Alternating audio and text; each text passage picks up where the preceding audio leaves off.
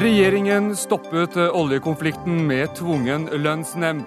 Noen må ta ansvar. Det gjorde jeg, sier arbeidsminister Hanne Bjurstrøm. Hør hennes forsvar i Dagsnytt 18. Hundretalls romfolk søker tilflukt i Oslo kirke. De blir behandlet verre enn dyr, mener organisasjonen Folk er folk. Politiet etterforsker kampfiksing, kriminell virksomhet som utnytter fotballens popularitet, sier Karen Espelund i Uefa.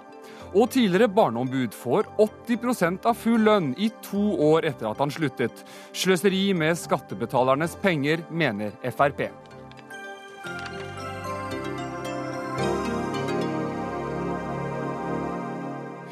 Velkommen til eh, Dagsnytt 18. Jeg heter eh, Erik eh, Aasheim. Og i natt så ble det altså tvungen lønnsnemnd i oljekonflikten. Ti minutter på overtid i forhold til den varslede lockouten, så grep arbeidsminister Hanne Bjurstrøm inn. Og i dag så måtte altså oljearbeiderne, som har streiket siden 24.6, gå tilbake på jobb. Og Hanne Bjurstrøm, hva var ditt viktigste argument for å bruke tvungen lønnsnemnd? Først så er det viktig å påpeke at her har man streiket i to uker. Den streiken var av et sånt omfang at det var ikke var grunnlag for å gripe inn. Men så ble det altså varslet en eh, fullstendig lockout fra arbeidsgivernes side. Med veldig store konsekvenser. Det påpekte de også selv. Jeg har uttalt at jeg mente det var en uklok beslutning. Hvilke konsekvenser? Eh, men bare for å si det, da var altså regjeringen nødt til å ta det ansvaret som partene ikke tok. Mm. Eh, det er eh, de store samfunnsmessige konsekvensene som har vært avgjørende. Det er sammensatt vurdering. Noe av det viktigste i første rekke er at det ville bidra til å reise spørsmål som om Norge som en forutsigbar, tillitsfull leverandør av olje og gass.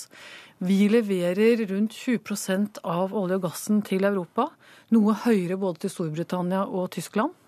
Eh, og det er klart at eh, over tid så vil også forsyningssikkerheten være et tema. Eh, og til slutt vil dette selvfølgelig også ha store ringvirkninger økonomisk, men også for industrien ellers i Norge. Så du, du fryktet altså for, for Norges renommé som, som, oljeleverandør og gassleverandør?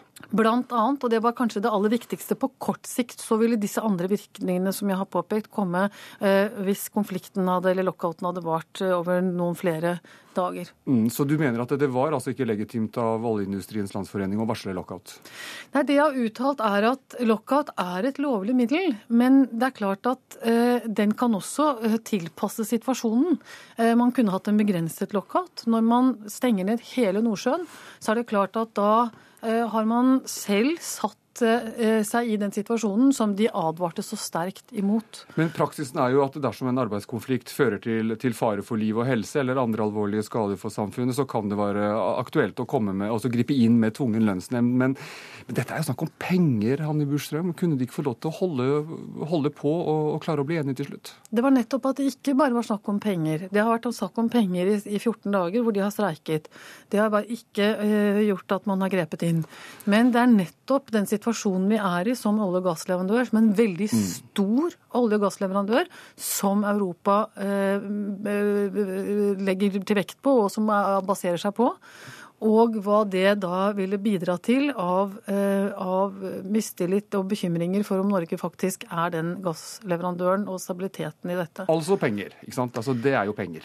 Nei, dette er ikke bare penger. Dette handler om penger, på sikt selvfølgelig inntekter for Norge, men det handler også om at disse samfunnene i Europa skal også kunne stole på at de får den, eh, den energien som de trenger, og at mm. gass er en forutsigbar og god energi eh, i forhold til f.eks. For kull og annen, annen, energi. Det har vært mange reaksjoner på, på bruken av eh, tvungen lønnsnemnd, Bjurstrøm. Din, din partifelle Tormod Hermansen han sier til E24 i dag at dette er en primitiv måte å få staten til å gå arbeidsgivernes ærend på. Slike konflikter må finne sin løsning gjennom forhandlinger, sier Hermansen.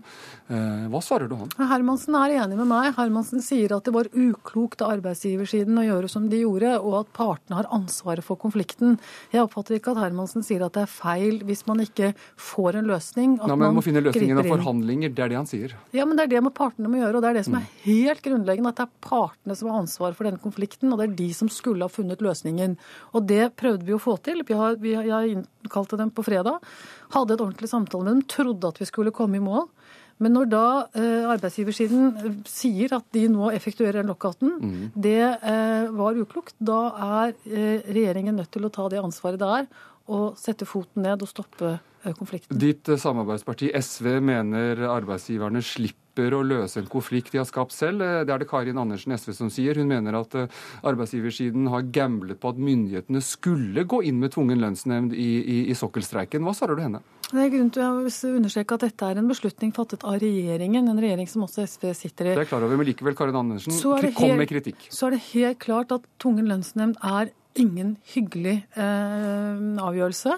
Derfor så brukte vi lang tid på å tenke gjennom alle konsekvensene for å sikre på at konsekvensene var så alvorlige at det var nødvendig å gripe inn. Men tror du arbeidsgiveren har gamblet med at eh, når de varslet lockout, så ville du gripe inn? Jeg vil ikke spekulere i hva arbeidsgiverne har gjort eller ikke gjort, men jeg har vært tydelig på at jeg syns ikke det var en klok eh, avgjørelse. Jeg mener at det hadde vært fornuftig å svare i så fall med en begrenset lockout. Mm. Da ville situasjonen vært en annen. Leder av fagforeningen i Industri Energi, eh, Leif Sande, han føler seg sviktet nå av den rød-grønne regjeringen. Hva svarer du han? Jeg vil ikke kommentere hvordan han opplever dette. Jeg må ta det ansvaret som partene her ikke tok, og det var å sørge for at ikke vi fikk stor skade på Norge som olje- og gassnasjon, med store konsekvenser eh, i forhold til både norsk økonomi og på sikt også leveranser til Europa. Men skjønner du at han, han er mer skuffet fordi det er en rød-grønn regjering enn at det er en konservativ regjering? Jeg vil som sagt ikke spekulere i det, men jeg har lyst til å si at eh, det er jo ikke noe grunn til å tro at det ligger liksom noen, en annen regjering hadde kommet til noe annet enn det denne regjeringen hadde. Så her mener Høyre og venstresiden det samme, rett og slett? Altså. De ville, dere reagerer på samme måte? Den praksisen man har mm. knyttet til lockout, er at eh, man har handlet som vi har handlet i denne saken nå, ja. ja Industri Energi de utelukker heller ikke en ny streik når oljeserviceoppgjøret skal i gang. Er det en trussel, slik du ser det? Nei, men det jeg er veldig bekymret for, og det er uttalt overfor partene, det er at den situasjonen de spilte seg inn i, er ingen god situasjon. Mm. Jeg er opptatt av at dette er parter som skal samarbeide videre. Eh, noe av det viktigste for vår arbeidslivsmodell er et godt samarbeid mellom partene, og det lykkes vi det store hele veldig godt i. Og at det kommer lignende konflikter opp. og Derfor så rådet jeg dem til å sette seg ned og finne en løsning. Eh, så jeg mener de må være sitt ansvarsbevisst nå, partene, og sørge for at vi ikke kommer i disse situasjonene igjen. Mm. FNs internasjonale arbeidsorganisasjon ILO har kritisert Norge eh, flere ganger fordi det ofte gripes inn med tvungen lønnsnemnd. Og Industri Energi de vil nå be sine jurister å se på om denne saken kan oversendes til, til, til, til ILO. Hva tenker du om det? Vi har selvfølgelig også vurdert dette og ment at vi handler innenfor det rommet vi har, og også bl.a. en høyesterettsavgjørelse for noen år tilbake som i en litt lignende sak. Men du er kjent med den kritikken fra ILO? Selvfølgelig er jeg kjent med den kritikken, og den kritikken tar jeg svært alvorlig. og Derfor så gripes det ekstremt sjeldent inn med tvungen lønnsnemnd. Mm. Jeg tror det har vært noe sånn som et par hundre tariffrevisjoner nå. Hundre av dem har endt med, eh, til, altså med, med, med forhandlinger eller mekling, eh, og det gripes inn kanskje en gang hvert annet år. Så dette er ikke noe man gjør ofte. Og vi mener at vi her har vært innenfor det eh, regelverket og det spillerommet vi har. Så du frykter ikke eh, at Altså du frykter ikke noe, noe konsekvenser eller ny reaksjon fra ILO når nå, når nå Industri Energi vil, vil vurdere om denne saken skal klages inn? Vi har vurdert det og ment at dette var mm. innenfor det vi kunne gjøre. Og så utover det så får jeg bare avvente den situasjonen som måtte komme, når de da eventuelt klager dette innenfor ILO. Hvem har oppført seg eh, verst i denne konflikten av de to partene? Du har jo vært beinhard mot arbeidsgiversiden. For det første så tar jeg ikke standpunkt til uh, uh, selve konflikten. Og jeg skal være tilbakeholdende med å dele ut karakterer også. Men jeg har sagt at den streiken som arbeidstakerne tok ut, den var forsvarlig i den forstand at den gjorde det ikke nødvendig å gripe inn. Mm. Lockout-varselet var av en helt annen karakter, og da har jeg vel egentlig sagt hva jeg mener om den saken. Og du vil ikke debattere denne saken her i Dagsnytt 18. Hvorfor ikke? Nei, for det er ikke naturlig å debattere en sånn beslutning. Den er gjort ut fra en uh, helhetlig vurdering. Jeg vil aldri gå inn og debattere f.eks. kravene. Det kommer man veldig lett inn i å gjøre. Det er ikke min rolle. Eh, det er veldig, faktisk veldig prinsipielt viktig at jeg ikke skal mene noe om kravene til partene. Mm. Jeg skal bare se på den biten som er Er vi nå der hvor vi har et problem i forhold til liv og helse eller samfunnsmessige konsekvenser. Eh, og så har vi gjort en grunnleggende vurdering av den, og den er jeg villig til selvfølgelig å diskutere, men ikke med partene sånn som situasjonen er nå. Takk for at du kom til Dagsnytt 18, arbeidsminister Hanni Bjurstrøm. Vi skal ikke slippe på den saken, for vi skal debattere nå, så kan du gå ut av studio mens, mens vi fortsetter debatten. Og det at arbeidsministeren valgte tvungen lønnsnemnd natt til i dag, det mener du er feil bruk av dette, virke, av dette virkemidlet, Bjørnar Moxnes. Du er leder i Rødt. Hvorfor det? Eh, Leif Sande har jo helt rett i at regjeringa har svikta oljearbeiderne i Nordsjøen. Det som har skjedd, er at arbeidsgiverne i praksis har søkt om og fått innvilga eh, tvungen lønnsnevnd. Det er helt uhørt. Det truer og svekker streikeretten. Og det er også ekstra ille at en rød-grønn regjering som i hvert fall sier det står fagbevegelsen nært, er ansvarlige for dette. Tvungen lønnsnemnd det er aktuelt når det er fare for liv og helse. Det var det ikke i det tilfellet her. ILO har mange ganger sagt at Norge er litt for raske på labben med tvungen lønnsnemnd. Mm. Det er de nå også. Dette er etter vårt syn helt feil, og det er å støtte arbeidsgiversida mot arbeidstakerne i Nordsjøen. Gunnar Gundersen, du sitter i Stortingets finanskomité for Høyre. og Hvorfor var tvungen lønnsnemnd riktig i denne situasjonen?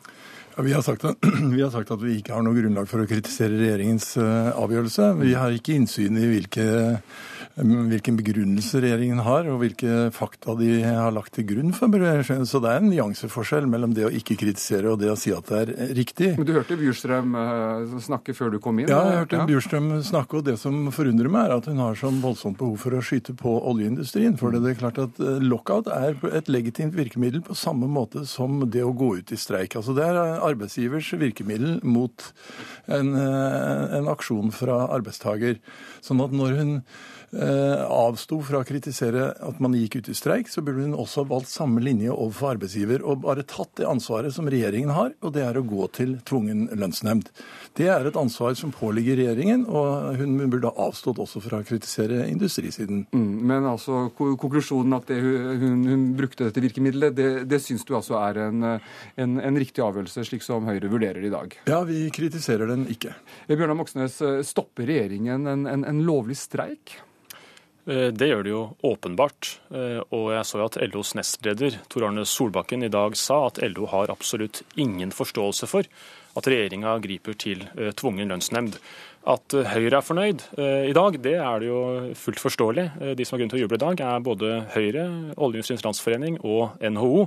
Men arbeidstakerne, de som har sørga for at Arbeiderpartiet har havna i regjering, har grunn til å være misfornøyde. Da er det også tankekors, syns jeg, at det er en, en rød-grønn regjering eh, som går til et såpass alvorlig skritt som å stanse en fullt lovlig streik, og i, i praksis eh, la arbeidsgiverne få vetorett. At de får eh, veksla inn sitt eh, trumfkort, nemlig trussel om lockout, er nok til å sørge for en tvungen lønnsnemnd.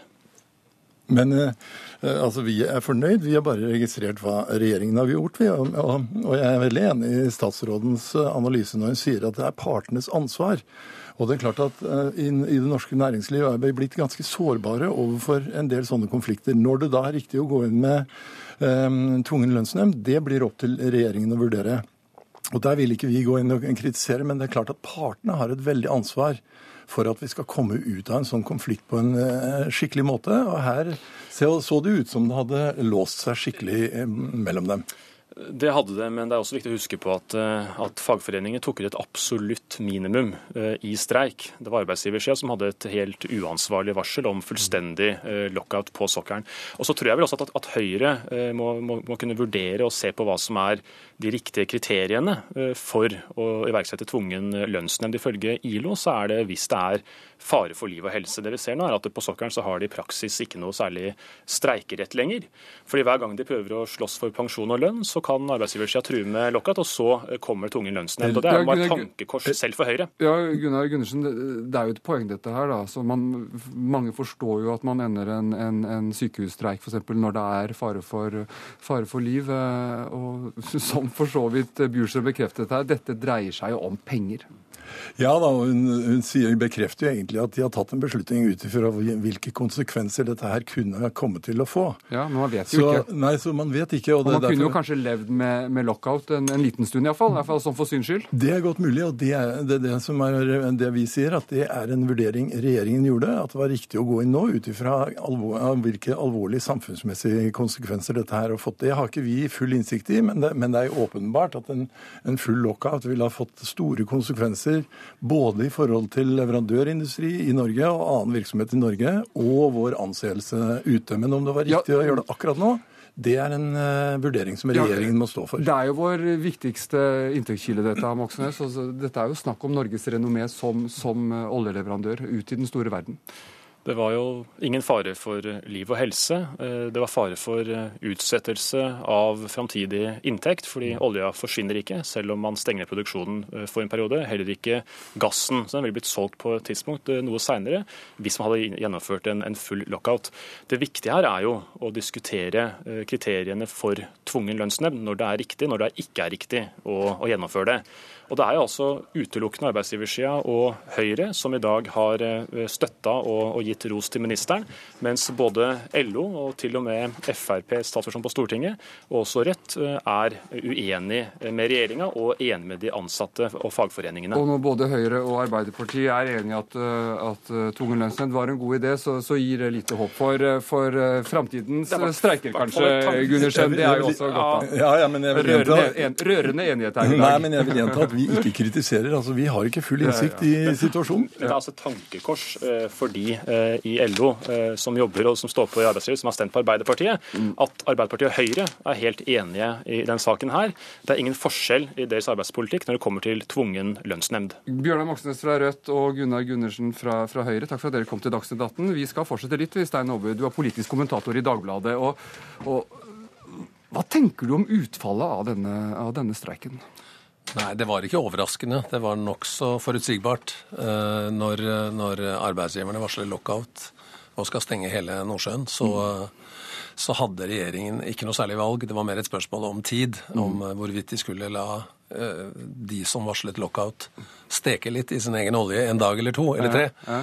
Men det hadde jo også hatt enorme kostnader, og kanskje hadde de fått mer kritikk fra opposisjonen og fra andre Eh, men de, da, men de hadde da kanskje hva skal vi si, eh, bedret litt på forholdet til, til, eh, til LO, til, til, fagforeningene? Det er mulig. Det kan godt hende det er forskjellige oppfatninger i LO om dette, selv om alle nå sier det samme. Mm. Altså, men det er likevel interessant å huske på at, at uh, i den berømte lockouten i 1986 så ble det jo ingen tvungen lønnsnemnd.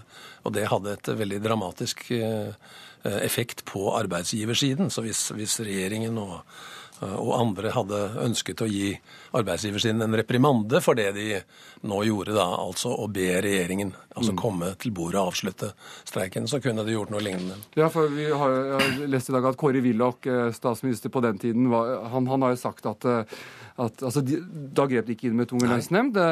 Og som Willoch sier i dag, altså olje og gassen ligger der fremdeles. Det er bare snakk om å tappe litt penger. Ja.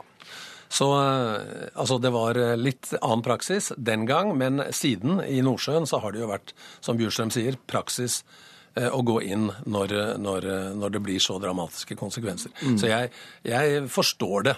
Det var bare et tidsspørsmål. Og Norge har jo fått, eh, fått kritikk fra, fra, fra, ILO, altså FN-organisasjonen, FN altså tidligere fordi man har gått for tidlig inn med, med, med bruk av tvungen lønnsnemnd. Tror du denne saken her kan bli vanskelig for regjeringen i, i, i den sammenheng?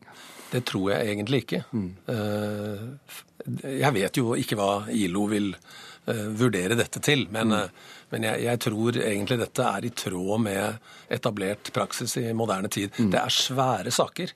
Begge, altså begge, sider i denne konflikten har jo spilt med store muskler som mm. de delvis låner av samfunnet. Mm. Altså, her er det snakk om å streike og legge ned eller stenge deler av sokkelen fra arbeidsgiversiden.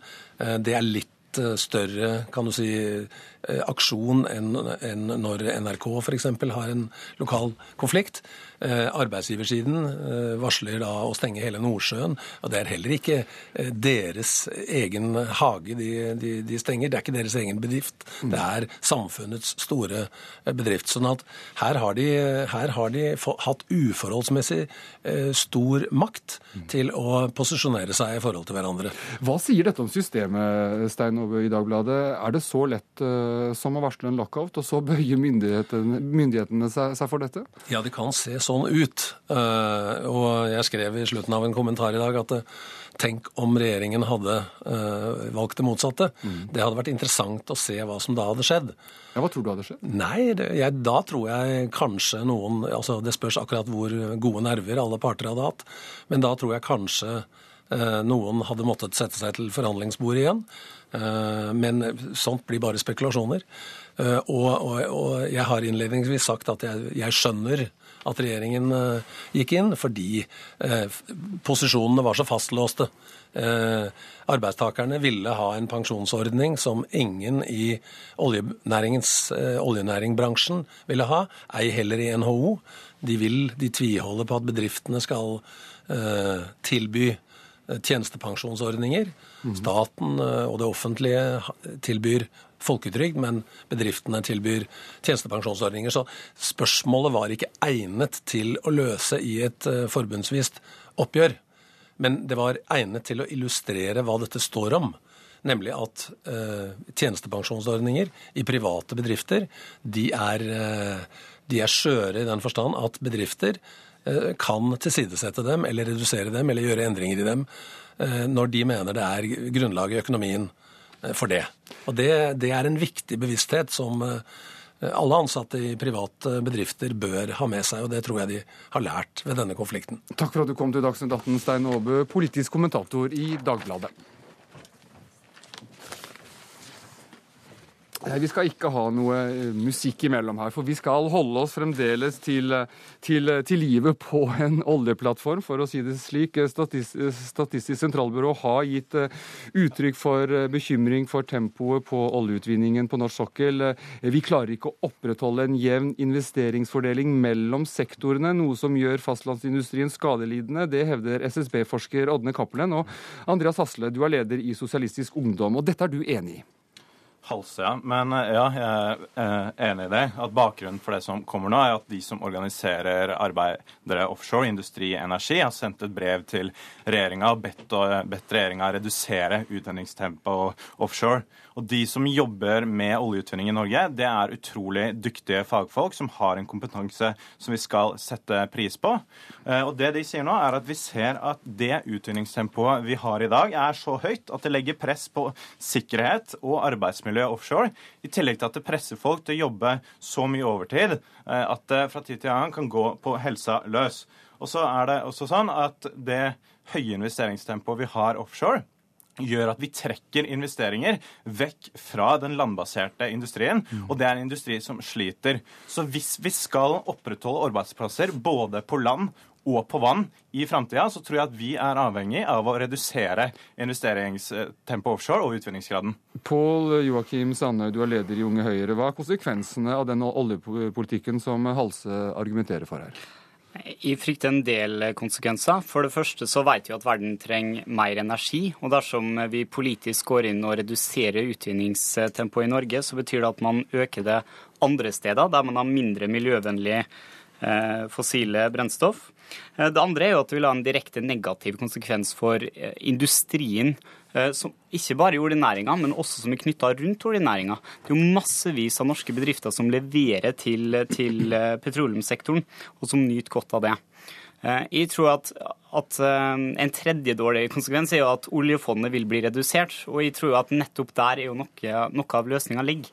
Vi trenger også eh, mer framtidsretta industri andre steder, men da handler det om å bruke oljepengene på en mer fornuftig måte. Gjennom mer næringsvennlig beskatning, gjennom infrastruktur, gjennom sånne ting. Halse. Ja, eh, Det å bruke deler av oljefondet på å investere i framtidsretta industri, det er også vi helt for.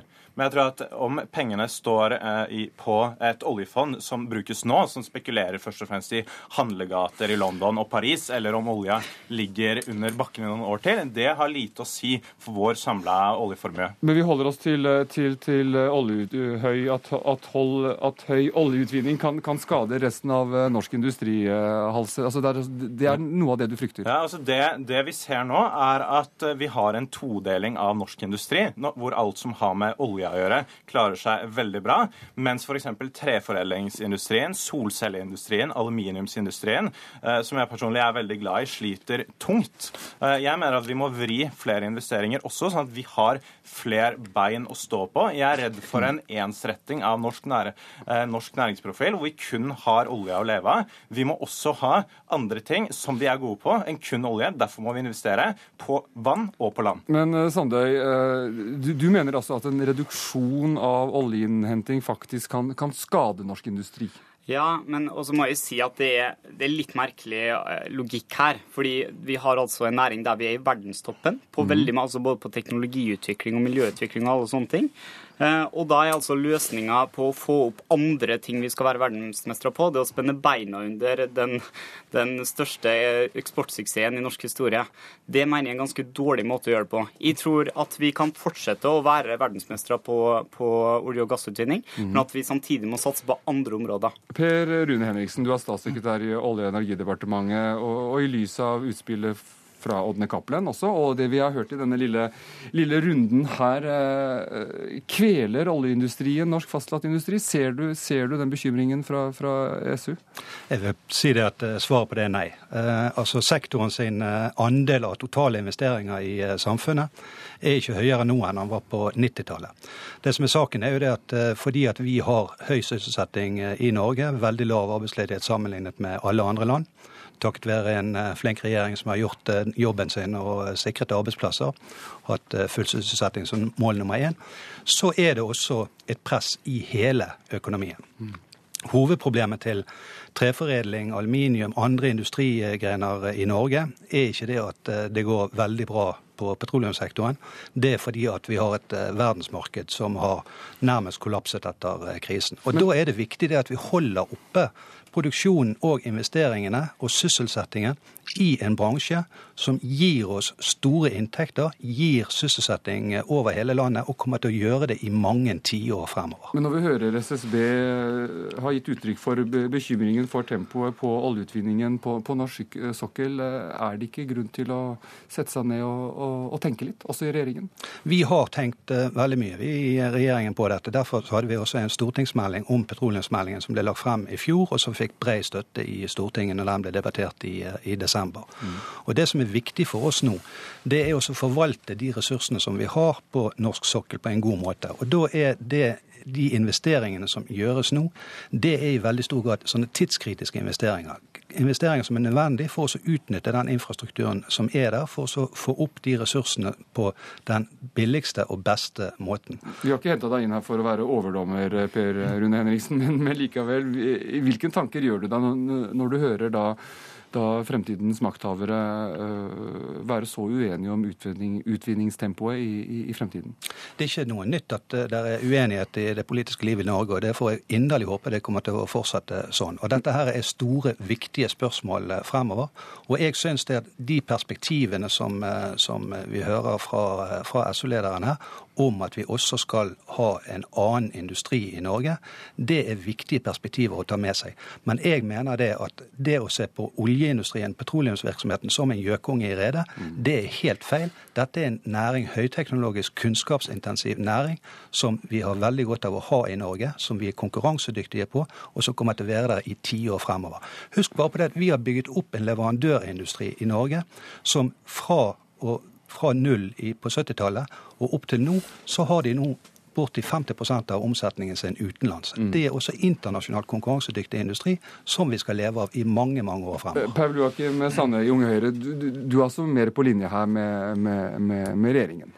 Ja, men jeg, jeg syns det var litt voldsomt glansbilde regjeringsrepresentanten kom med også. For jeg skal gi eh, Sosialistisk Ungdom rett i en ting, og det er at eh, vi ikke altså Hvis vi ser på nabolandene våre, så er hva kommer derfra? Jo, det Spotify, Nokia, Bang Olufsen, litt sånne ting. Altså andre ting eh, som er flaggskip, da. Så det er litt mer innovasjon du etterlyser, altså? Ja, men problemet her er jo at regjeringa ikke gjør det som handlingsregelen i utgangspunktet tilsa at man skulle gjøre, nemlig at man skal bruke det på infrastruktur, på eh, næringsvennlig beskatning, på bedre utdanning, på mer forskning. Mm. Der har du veldig mye av løsninga på den utfordringa som SU-lederen eh, skisserer.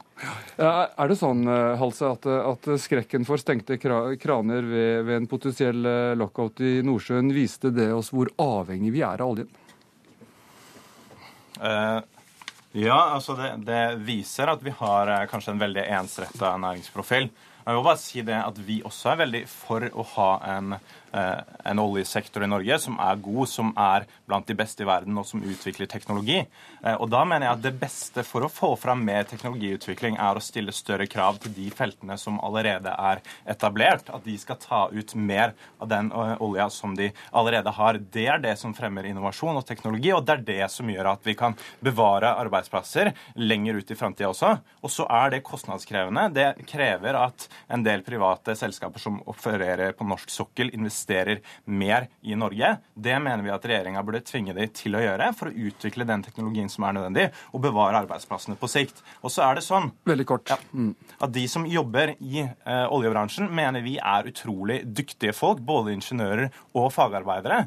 Og, og poenget er jo at de kan ikke jobbe alle steder samtidig. Når olja alltid kan overby andre sektorer som krever investeringer, så mener vi at en del av de også burde flyttes til land. Andreas Halse, da fikk du også hyllet uh, kvaliteten på norske oljearbeidere. Du er leder i Sosialistisk Ungdom. Takk til deg, Paul Joakim Sanne, leder i Unge Høyre, og til statssekretær i Olje- og energidepartementet, Per Rune Henriksen. Hør Dagsnytt 18 når du vil, på nettradio eller som podkast. nrk.no – dagsnytt 18.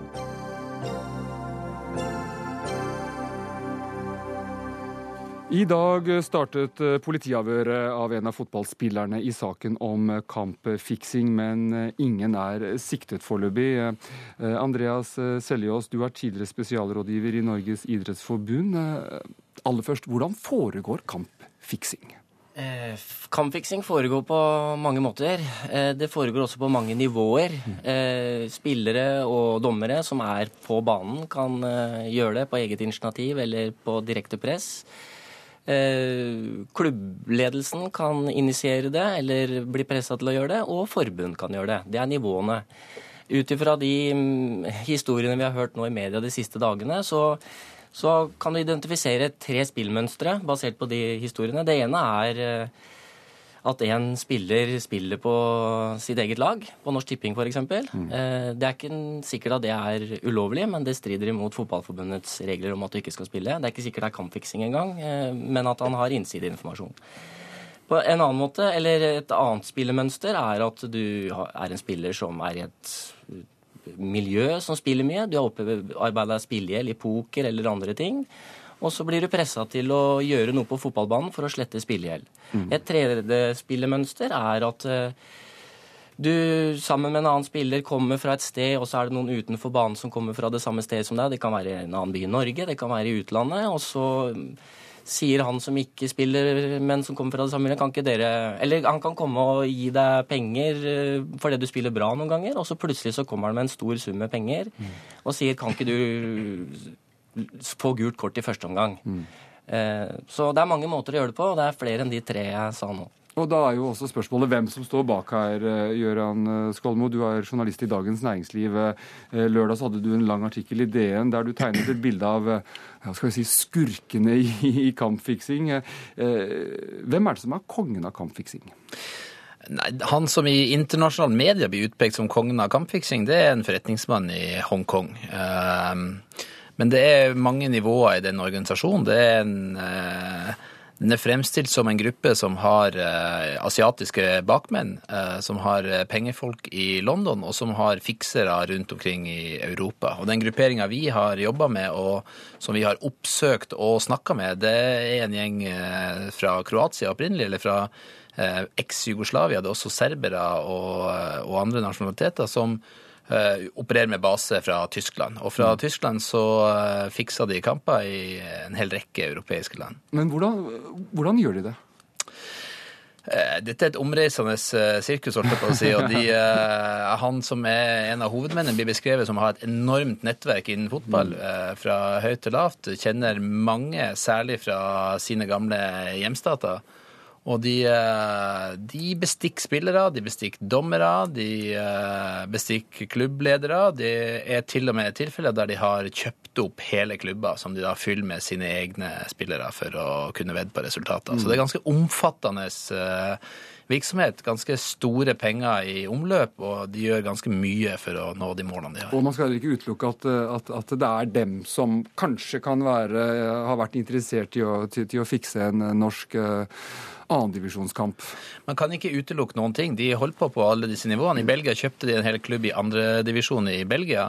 Og de, eh, de har sine folk eh, overalt, og de er på frifot. De er dømt i Tyskland, men de sitter ikke i fengsel ennå. De har anka sine dommer og, eh, og er på frifot. Så de opererer mest sannsynlig fortsatt. Kan du nevne et konkret eksempel på, på en, på en kampfiksingssak fra et annet europeisk land? Hva som skjedde? Uh, I Finland eh, kjøpte de omtrent opp et helt lag. Det var et lag som hadde syv afrikanske og to georgiske, så vidt jeg husker, spillere. Der de til slutt kontrollerte alle mann. Uh, og smurte de med penger når de gjorde som de ville, og trua med å drukne dem i elva i byen eh, hvis de ikke gjorde som de ville.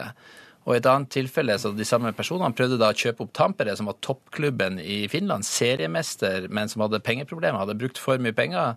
Eh, Og Trump er nå kasta ut av det finlandske seriesystemet som følge av at de har tatt imot penger fra disse kampfikserne fra. Singapore. Andreas Seljås, du, du, du mener også det er altså, altfor lett å manipulere eh, spill, spillet uten at, eh, at noen legger merke til Hva mener du? Ja, altså Når vi snakker om kampfiksing, så Eller jeg syns kampfiksing er et dårlig begrep. da. Ja, Vi blander forskjellig, for det er altså forskjellige Ja, for nivåer her. ikke sant? ja, det er nivåer, det er det ene, men samtidig så er det sånn at, eh, at eh, når, når vi snakker om kampfiksing, så forstår de fleste om at det er tap og vinn.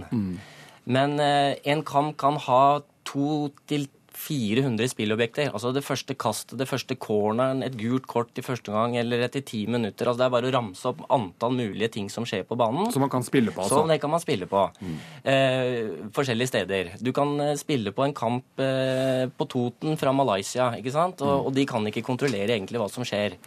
Eh, og da er det sånn at eh, at en spiller sleivsparker til corner etter ett minutt, det er veldig vanskelig å vite om det er fiksing eller ikke.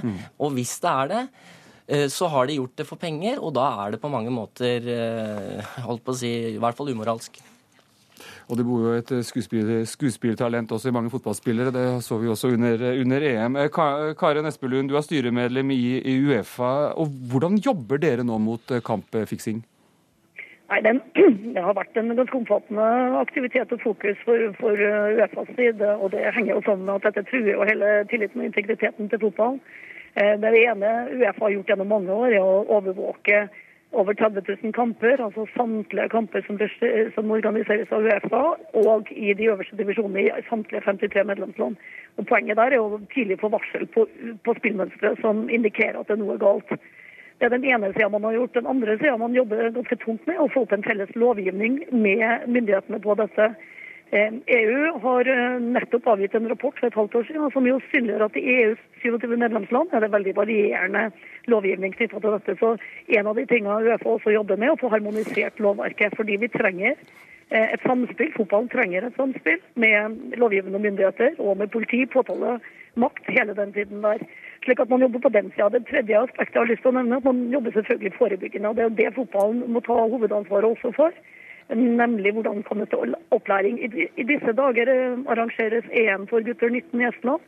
Samtlige av, av de lagene der gjennomgår en orientering om hvordan dette kan skje, og hva de kan, eh, hvis de blir utsatt for det, hvordan de skal håndtere det, og varsle og, og reagere. Men når debatten... ja. Men når vi har hørt debatten her hjemme Espelund, de, de, de siste par dagene, så, så, så, så virker det likevel som, som hele Fotball-Norge er, er, er, tatt litt på senga, selv om man ikke er overrasket. Og Du har jo tidligere vært generalsekretær i, i Fotballforbundet, så, så, spørsmålet er jo om har man, har man drevet forebyggende arbeid i Norge? Alltid en eh, problemstilling som kan jobbes enda mer med. Jeg tror eh, I norsk fotball våkna vi nok litt på den saken som Skolmo nevnte i, Finland. Eh, Norden ble på en måte mista litt uskyld i forhold til dette slik at vi på det tidspunktet tok, ting, tok, det inn i kontraktene. Det ble gjort en del ting, men det er helt åpenbart at, eh, at dette må høyere opp på dagsorden i alle fotballorganer. og mm. Fotballforbundet har jo reagert etter mitt skjønn eh, veldig, veldig bra nå de siste dagene med, med håndtering av saken. Men det er klart på, på klubbnivå også så må dette være et tema med spillere, med, med trenere, med ledelse gjennomgående. Og det er jeg helt sikker på at kommer inn i handlingsplanen, at dette blir faste mønster på å gjøre det. Gøran eh, Skolmo, i, i, Dagens Næringsliv og som, som, som gravejournalist så, så, er det sikkert fristende å fortsette å grave i dette her. Altså, tror du vi bare har sett uh, toppen av isfjellet i Norge? Tror du også det, det kommer til å komme store nye saker her? Det er vanskelig å si. Det er mange som mener at Norge er et vanskelig eh, samfunn å trenge inn i. Men samtidig så ser vi at det skjer kampfiksing i ganske stor skala i Italia. Der spillerne, eh, altså på toppnivå i Italia, der mm. spillerne er veldig godt betalt.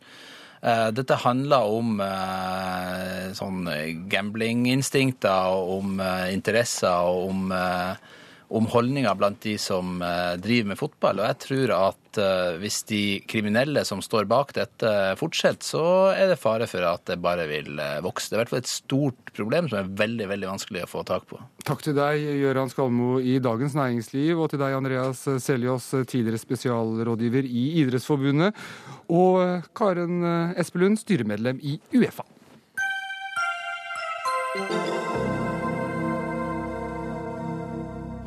Reidar Gjerman gikk eh, altså om barneombud i januar, men som vi hørte i Dagsnytt i dag tidlig, så, så, så kan han heve 80 av full lønn fram til han får en ny jobb innen det er gått to år. Også Anne Lindboe, det nye barneombudet, har slike vilkår. Og Christian Tybring-Gjedde, du er eh, stortingsrepresentant for Frp, der du sitter i finanskomiteen. Hva synes du om, om, om vilkårene som gis ledere i, i offentlig sektor i Norge?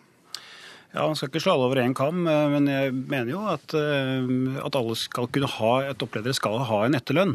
Men det må være innenfor rimelighetens grenser. Er dette innenfor rimelighetens grense, syns du? Nei, jeg syns ikke det. Jeg syns en, en, person som har vært barneombud i veldig mange år, og som vet at han skal, gå av, og har hatt teoretisk sett satt seks år og lett, lett etter en ny jobb, rent teoretisk sett, og han er høyt utdannet, velkvalifisert, en mann i sin beste alder, jeg mener ikke at du burde sy puter navnet på en person som det. Ja, Gunvor Ellegård, du sitter i Stortingets finanskomité for Arbeiderpartiet. Eh, en åremålsstilling er en åremålsstilling, eh, så et barneombud kan forberede seg på at det kommer en tid, eh, tid etter at dette åremålet er over. Nettopp. Og, derfor er det jo viktig at, at vi har kontrakter som sikrer og gir et sikkerhetsnett i, i, etterkant. Men det er veldig viktig for meg å få forklart at det er ikke sånn at du kan sitte passivt å motta ventelønn i to år. Du har faktisk en plikt for arbeidsgiver til å ta passende arbeidsoppgaver i, i den tiden. Og Det syns jeg er ganske viktig for debatten at vi liksom har det på, det på plass. Ja, men Da må vi bare høre med, med hovedpersonen selv her, Reidar Gjerman. Du er tidligere barneombud, du er med oss på, på, på telefon fra Frankrike. Hvor, hvor, hvor, passiv føler du at du har lov til å være nå de neste, neste to årene? Vel, Jeg har fått skriftlig fra departementet at det ikke forventes at, gjør, at det gjøres noe reelt arbeid fra min side. Så jeg har vært uh, ganske tydelig på at jeg syns at denne kontrakten om ventelønn er i overkant raus. Jeg synes at det på Altså, Jeg har jo hatt en jobb uh, hvor jeg både visste når jeg begynte og visste når jeg skulle slutte. og Eh, F.eks. disse ministerne, som jo da har fulgt meg barneministerne. Jeg har hatt syv barneministre i løpet av den tiden jeg har vært barneombud, og de har jo på ingen måte samme ventelønnsordning som, som det som jeg har. Mm. Så eh, jeg er helt enig med Tybring-Gjedde i at uh, dette er en ordning som, uh, som, er i overkant raus for en som har innehatt en av landets desidert mest privilegerte stillinger. Og dette ba du heller aldri om selv, bare så, så, så, så det er klart? Ja, Dette var noe som jeg oppdaget da jeg skulle skrive ned kontrakten i 2004. Så står det noen ventelønn, og så sier jeg hva i all verden er dette? Og, um, og, Så forklarte jeg det at dette er en standardkontrakt, og slik er det alle ledere får i den posisjonen som du har. Ja, Gunvor Eldegård i, i Arbeiderpartiet, vi hører altså at det tidligere barneombudet kan fortsatt ligge to år i hengekøya og drikke god Chablivien der han befinner seg nå i Frankrike, hvis det er det han ønsker? Ja, altså, jeg, jeg, være, jeg er helt enig i at det syns jeg er urimelig. Eh, derfor jo, men systemet er jo sånn. Ja. ja, systemet er sånn, og det er en eh, kontrakt der du, du mulighet eh, kan få i, i, den kontrakten kan du antall få en retrettstilling. Eller du kan få ventelønn inntil to år. Men det står faktisk i den kontrakten at du er pliktig til å være disponibel for arbeidsgiver. Så, så, Men da må jo arbeidsgiveren det... da velge å, å, å, bruke det. Så hvis man får beskjed fra, fra, fra ministeren at, at uh, gjør som du vil? Altså, Jeg er veldig enig i det at da bør arbeidsgiveren utnytte seg av den arbeidskraften. Men en del er sagt Jeg, har, jeg kunne ble stoppa her. Eh, fordi at eh, jeg er veldig enig i at vi skal se på de ordningene. Mm. Og statsråd Torkesen har sagt at hun ønsker en gjennomgang av de ordningene, om de er rimelige. Eh, dette har lederlønninger og eh, bonusordninger, opsjonsordninger og eh, etterlønninger er noe som vi har jobba med siden vi tok over i 2005. Ja, Tybring-Gjedde, eh, Det er altså en, en rød-grønn regjering som, som, har gitt disse vilkårene. Syns du det er overraskende at det kommer fra den kanten? Ja, jeg syns det er overraskende uansett hvilken kant det kommer fra. Jeg syns det er uh, ufortjent og urettferdig overfor resten av samfunnet at uh, det er noen som allerede i utgangspunktet har privilegerte stillinger, sånn som f.eks. jeg selv har. Uh, og Hvis man skal ha det veldig veldig spesielt gode etterlønnsordninger i tillegg til det, så, så jeg ser ikke rimeligheten i det i det hele tatt. Og, og hvis man mener at noen har den kunnskapen og den kompetansen som man trenger, så bør man gi den lønningen, disse, den lønnen som markedet krever. Eh, og ikke skjule det gjennom noen slags etterlønninger eller helt eh, unike, spesielle pensjonsordninger osv. Og, og jeg er overrasket over Arbeiderpartiet, som nå først var veldig eh, syntes avtalen var veldig rimelig. Så, så fant de ut at Gjerman, med all respekt for han, syntes den var for bra. Og så var han enig med Gjerman. Altså, Det går an å bruke hodet først, før man må høre hva andre sier. Ja, altså jeg, jeg må bare presisere en liten ting. og Det er at det var ikke den rød-grønne regjeringen som fant opp dette. her. Dette er jo en gammel Eh, en gammel ordning og en kontrakt som, har, eh, som også gjaldt de ombudene som var før meg. Mm. Og, Men også dine etterkommere har fått den samme avtalen? Mm. Det var Laila Dåvøy fra Kristelig Folkeparti som tilsatte meg i 2004. Mm. Så, så, dette er en, jeg tror dette er en ordning som egentlig bare har blitt sånn. Ja. Og jeg synes det er helt på sin plass at Torkelsen nå skal gå gjennom den ordningen for å se på om den kan gjøres mer hensiktsmessig. Og selv så har jeg vært oppe hos henne nå helt nylig. og Eh, snakket med henne om eh, kanskje det går an å bruke meg til noe eh, fornuftig, nå som dere likevel betaler lønninga mi. Ja. Og det skulle hun se på, da. Eldegård? Det syns jeg for det første er veldig positivt. da. Men jeg har lyst til, altså, du, du stoppa meg igjen. ikke sant? Jeg sa at jeg har med, jeg satt jo i næringskomiteen i forrige periode. Jeg har jobba med lederlønninger, opsjonsprogram og bonusprogram. Og blant annet når vi la fram eierskapsmeldingen så var en av, de, en av, de, nye reglene vi la fram der, at du skulle ikke kunne ha bonusprogram og opsjonsprogram som var mer enn 50 eh, av den faste lønna di. Nettopp fordi at vi ønsket oss å ha mer styring med lederlønninger. Og da må jeg si at Frp de stemte ikke for det. det egentlig. Så det at Frp tar til orde for moderasjon når det gjelder lederlønninger, det er faktisk helt nytt eh, for meg. Men allikevel er jeg veldig glad eh, for å få deg på lag i denne debatten og i videre jobbing. Jeg syns dette er så urimelig. Nå diskuterer vi Du ikke, vet ikke hva du refererer til engang. Altså, vi har hatt flere eksempler på Arbeiderpartiet. Vi hadde Geir Liv Valla, som var leder av LO, som gikk av med en gigantisk eh, etterlønnsavtale. Vi hadde eh, Ramin Osmundsen, jeg har flere her, eh, når Ida Hjort Krabi først ble ansatt som barneombud og, og måtte gå av.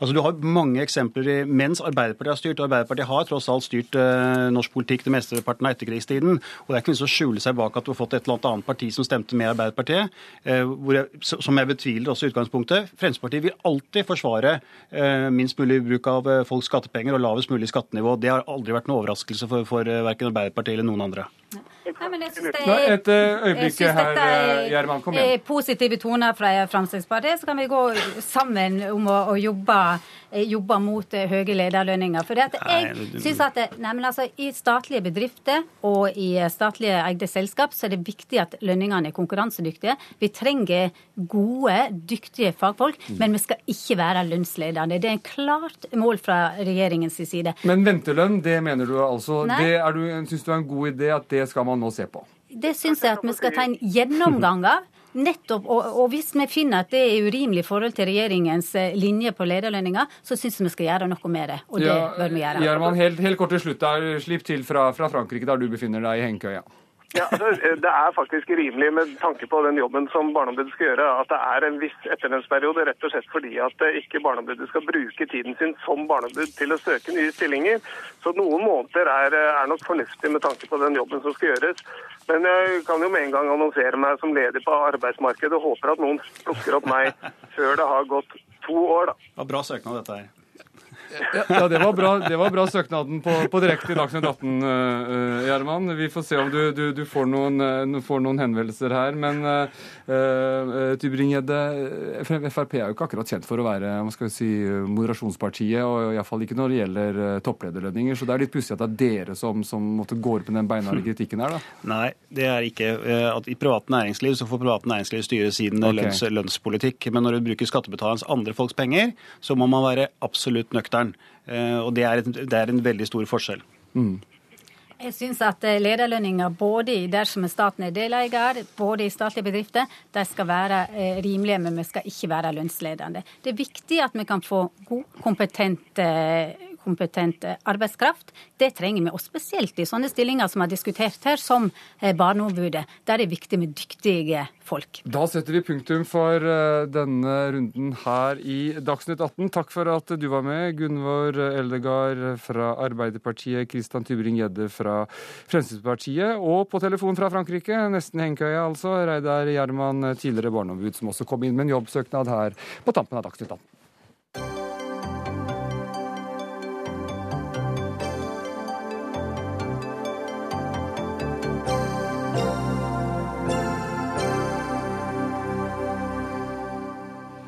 No, eh, romfolket kjeppjages rundt i hovedstaden. Siste stopp for 150 av dem er eh, ved Sofienberg kirke i Oslo. Der har de nå slått seg ned og, og håper å få være i fred. eh, For politiet og Bjørnulv Evenrud, du fra organisasjonen Folk av folk, som bl.a. jobber for å bedre romfolkets situasjon i Norge. Du er i daglig kontakt med romfolk i Oslo. Og, og, og hva sier de om hvordan de blir behandlet av politiet? Ja, Nå har vi jobbet med disse folka siden begynnelsen av mars. Og jeg har blitt ganske sjokkert over hvordan disse folka blir behandlet eh, av politiet, bl.a. Eh, Det vi ser, er at det er ulovlig politiaktivitet over en lav sko. Folk blir frastjålet eiendelene sine. Folk blir tatt inn og satt på glattcelle. eh, Blir manipulert og truet til å skrive under på forelegg og kriminalisert uten at de skjønner hva som skjer. Eh, Folk blir bortvist eh, hvis de sitter og griller i parken. Eh, Folk blir bortvist hvis de sitter seg ned på en benk og drikker kaffe. Gjerne med begrunnelsen aggressiv tigging. Og dette her har altså Intensiteten på den trakasseringa har økt flere runder i løpet av de siste månedene. Men det at de nå slår seg ned i en park foran en kirke i hovedstaden, det løser jo ikke noen problemer? Nei, de slår seg ikke ned i en park foran en kirke. De slår seg ned på kirkegrunn. Eh, Og de har søkt til kirka for beskyttelse og for å belyse situasjonen sin. Eh, Og eh, prosten, kirka, har, har tatt dem under sine vinger. Og det er akkurat nå kommet melding her om at eh, på via NTB at prost i Nordre Aker, uh, Ingar Seierstad, at, at, at gruppen på mellom 150 og 200 rumenere nå vil få beskjed om kirkens avgjørelse om at de må fjerne seg fra, fra dette området på kirketrappen eller på kirkens grunn. Dette skal kommunen og kirken ha blitt enige om. Jeg vil gjerne Og hva, kommentere et lite, du kommer tilbake eh, senere. Hva, hva kan du fortelle oss om dette, eh, Stian Berger Røsland, byrådsleder i Oslo kommune?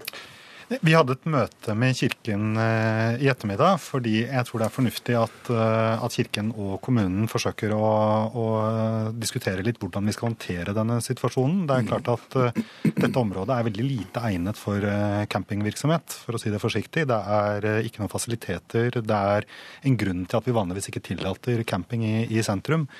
Vi var enige, opplever jeg der, om at, om at dette ikke er noen, noen god, permanent ordning. Hvor skal du nå, da?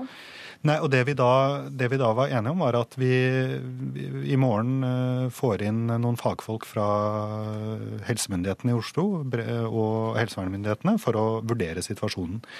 Eh, og, så, og, så, må man finne en løsning eh, på, på situasjonen. Ja, finne en løsning på situasjonen, det, det, er en setning vi har hørt veldig mange ganger når vi snakker om romfolket. Men helt konkret, hva kan dere tilby dem? Jeg mener at det å reise til Oslo fra andre land og bruke de mulighetene som ligger i EØS-avtalen, det er et gode. Men det forutsetter at man har mulighet til å ha et sted å bo, at man kan eh, livnære seg mens man eh, oppholder seg her, og at man ikke kan forvente at det stedet man drar til, skal forsørge en. Det er et krav vi stiller til alle borgere, og det må vi også kunne stille til denne gruppen. Og nå får de altså ikke lenger være ved, ved, ved Sofienberg kirke i Oslo, Bjørn Ulv Evenrud. Hvordan reagerer du på det? Nei, jeg, har, eh, jeg, oppfatter ikke det som på noen måte resultatet av det møtet. Jeg har snakket med prosten eh, rett etter møtet. Eh, og det er ingen som har hevdet at dette skulle være noen permanent bosituasjon for disse menneskene. At det ikke skal være evig, det har alle innforstått med. Inkludert romfolket som oppholder seg der. Mm. De har, de har søkt tilflukt. Ja. Mm. De har søkt tilflukt fordi at trakasseringen har blitt så intenst. Mange har ikke hatt blund på øya over flere døgn. Eh, eh, men resultatet av møtet er altså ikke at de skal vekk. Roger Andresen, visepolitimester i Oslo, for tiden fungerende politisjef. Dere blir altså angrepet for å, for, for, for, beskyldt for å trakassere romfolk. Hva, hva, hva svarer du? Nei, Vi har jo si, merket oss eh, disse påstandene, som selvfølgelig ikke er nye. Mm. Og det er nok ikke noe særlig tvil om at dette kan ha sammenheng med at vi gjennom eh, våren eh, og sommermånedene har eh, trappet opp håndhevingen av det regelverk som gjelder for alle, nemlig knyttet til at det ikke er lovlig å overnatte på offentlig sted, at det ikke er lov å tilgrise, og at man selvfølgelig ikke kan gjøre sitt fornødne overalt. Og det er jo slik da at de utrolig mange fortvilte klagene som kommer fra beboere som opplever at deres eh, boligområder, at deres nærmiljø, at deres eh, parker, deres grøntanlegg eh, nå ser ut som et tilgriset offentlig toalett. Det gjør også at vi har fått si, så mange klager at vi gjennom våren og sommeren nå har begynt å håndheve dette mer.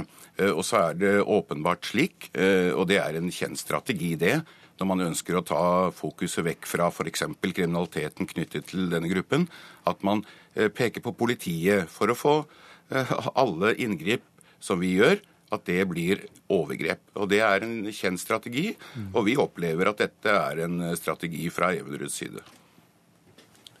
Ehm, jeg har sjøl observert eh, folk som sitter og hviler seg på en benk som blir bortvist for aggressiv tigging sammen med to journalister fra Dagsavisen for øvrig. Jeg har filma politifolk med tre stjerner på, på skulderen som uh, står og sier 'go to the forest', 'go to the forest' til folk som sitter og griller i en park på en vi, helt vanlig måte. Men det er ikke det vi snakker om nå. Evenrud. Altså, det, det, vi, det, som politimesteren sier her, er jo at er, folk urinerer jo, folk bruker toaletter. Toaletter altså, er løsningen. Forsøpling overalt. Toaletter er løsningen. Toaletter vanlig er løsningen. renovasjon, og det er kommunens ansvar ja. for å gjøre vanlig renovasjon og sette opp toaletter når det eksisterer mennesker. Toaletter er løsninger. Ina Roll Spinanger, du er leder i Trondheim Venstre. Eh, for der har dere faktisk valgt å gi romfolket tilgang på både dusj og, og toalett. Det kan vi lese i Aftenposten i dag. Hvorfor gjør dere det? Eh, det gjør vi av to årsaker. For det første så er det viktig å forebygge både smitte og sykdomsspredning og sørge for gode sanitærforhold. Det er noe som kommer alle til gode. Eh, for det andre så mener vi at eh, det er kan du si, et minimumsnivå av verdighet som vi kan unne andre mennesker som bor og eh, oppholder seg i Norge i dag. De har lov å være her, og hvis man skal ha en sjanse til å kunne få jobb osv., så, videre, så må man også kunne ha muligheten til å ta seg en dusj og få vasket klærne sine. Hva er ditt råd til byrådslederen i Oslo her fra Høyre? Nei, altså Først og fremst så tenker jeg at det er viktig å basere politikken sin på kunnskap og se på historien som vi har, og også erfaringer fra andre land. Og det å si at man må ha jobb og et sted å bo for å kunne oppholde seg i Norge, det er jo et argument som alle land i EU egentlig kan bruke. Og på den måten så, eh, så tar man jo egentlig og, og, skyver ansvaret fra seg. Eh, jeg tenker at eh, vi må gjøre noe for å bryte sirkel og bekjempe fattigdom. Samtidig så kan jeg også si at jeg forstår jo også at situasjonen er ganske annerledes i Oslo enn i Trondheim, og at det ikke er sikkert at det er de samme løsningene som men Røsland, eh, nå hører du eh, Venstre her. altså I Trondheim har altså valgt å, politikerne valgt å, å tilby do og, og muligheten til, til, å vaske tøy og vaske seg.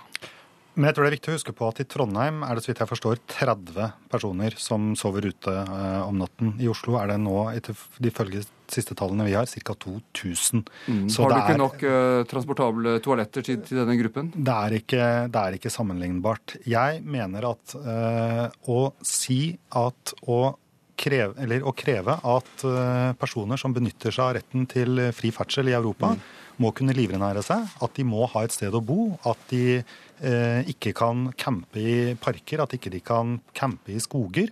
Det er ikke et urimelig krav. Det er et rimelig krav. Vi har et, en by vi skal, vi skal, forholde oss til. og da, da, er det slik at vi må ha noen regler for hvordan vi, hvordan vi uh, oppfører oss og hvordan vi uh, oppholder oss i den byen. Og det må gjelde alle. Så De får altså ingen gruppen. hjelp fra Oslo kommune direkte med do. Da må vi sette punktum fra, for denne utgaven her av Dagsnytt 18. Ansvarlig for sendingen var Caroline Rugeldal, teknisk ansvarlig Erik Sandbråten, og jeg heter Erik Aas. motorcycle.